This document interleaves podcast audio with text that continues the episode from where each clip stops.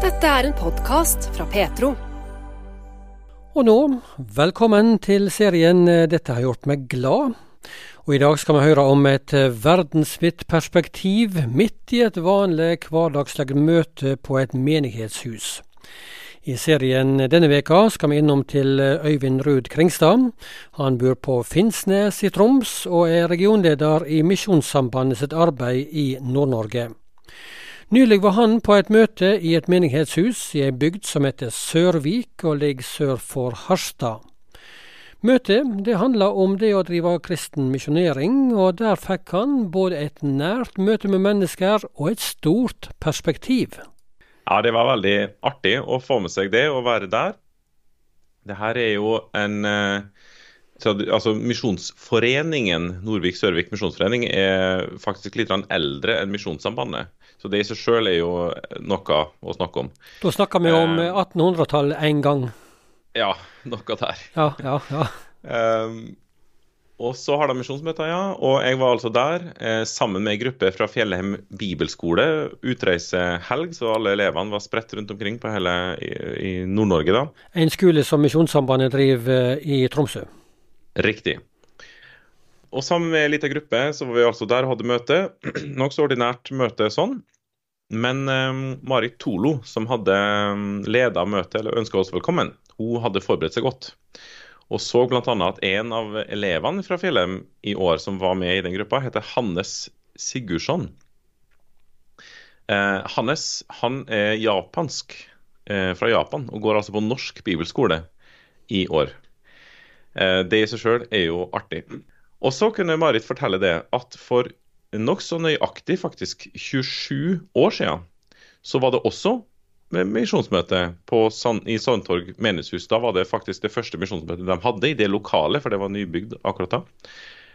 Og taler på den, det møtet, 16.10, eh, altså for 27 år siden, det var eh, Leifur Sigurdsson fra Island.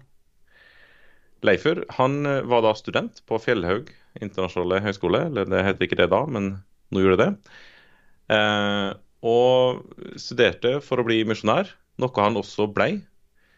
Men i England, så, under oppholdet, så møtte han ei japansk dame som han gifta seg med, og flytta til Japan. Eh, blant annet så ble han og familien eh, etter hvert eh, knytta til Aotani kirke så skal jeg si litt mer om det etterpå. Men iallfall så gikk det ni år, og så ble Hannes født. Som nå, altså, et eller annet antall år etterpå det, går på Fjellheim bibelskole og er tilbake holdt jeg på å si, på Sandtorg menneskehus. Eh, og det hadde da Marit Olo fått med seg og gjorde et poeng av. Så det å se at her er det noen tråder som føres sammen. Ny generasjon, altså. Rett og slett. Veldig stilig, altså. Og det som toppa hele greia, da, er at eh, på det samme misjonsmøtet så var Inger Anna Nilsen på møtet. Godt eh, pensjonist, for å si det sånn.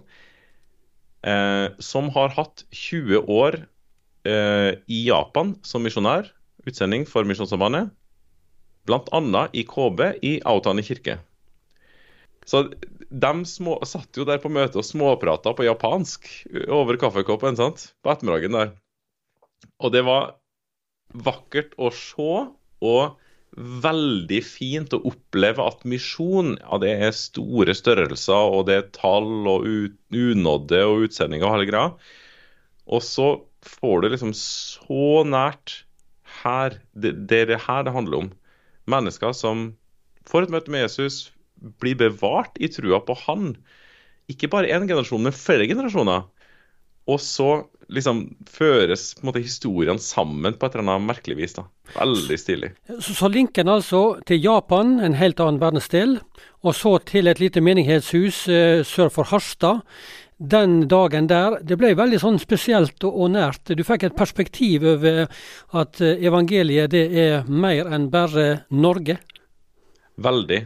Og særlig artig er det jo da når vi i regionen her har en utsenderenhet, eh, en familie fra regionen her akkurat nå, Ole Bjarne og Tone Trostdal, som tjenestegjør i KB i, og i ganske stor grad i Autane kirke.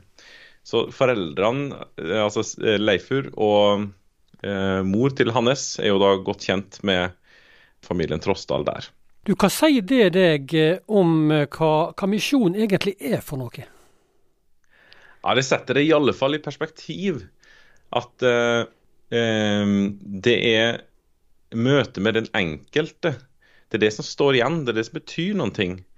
Og når man ser da at folk eh, får bli bevart i trua på han eh, gjennom et helt liv, ja, da eh, Da er vi inne på det, for å si det sånn. Et lite glimt her ifra hverdagen din som regionleder eh, i Misjonssambandet, Øyvind Ruud Kringstad. På tampen, før du legger på her nå.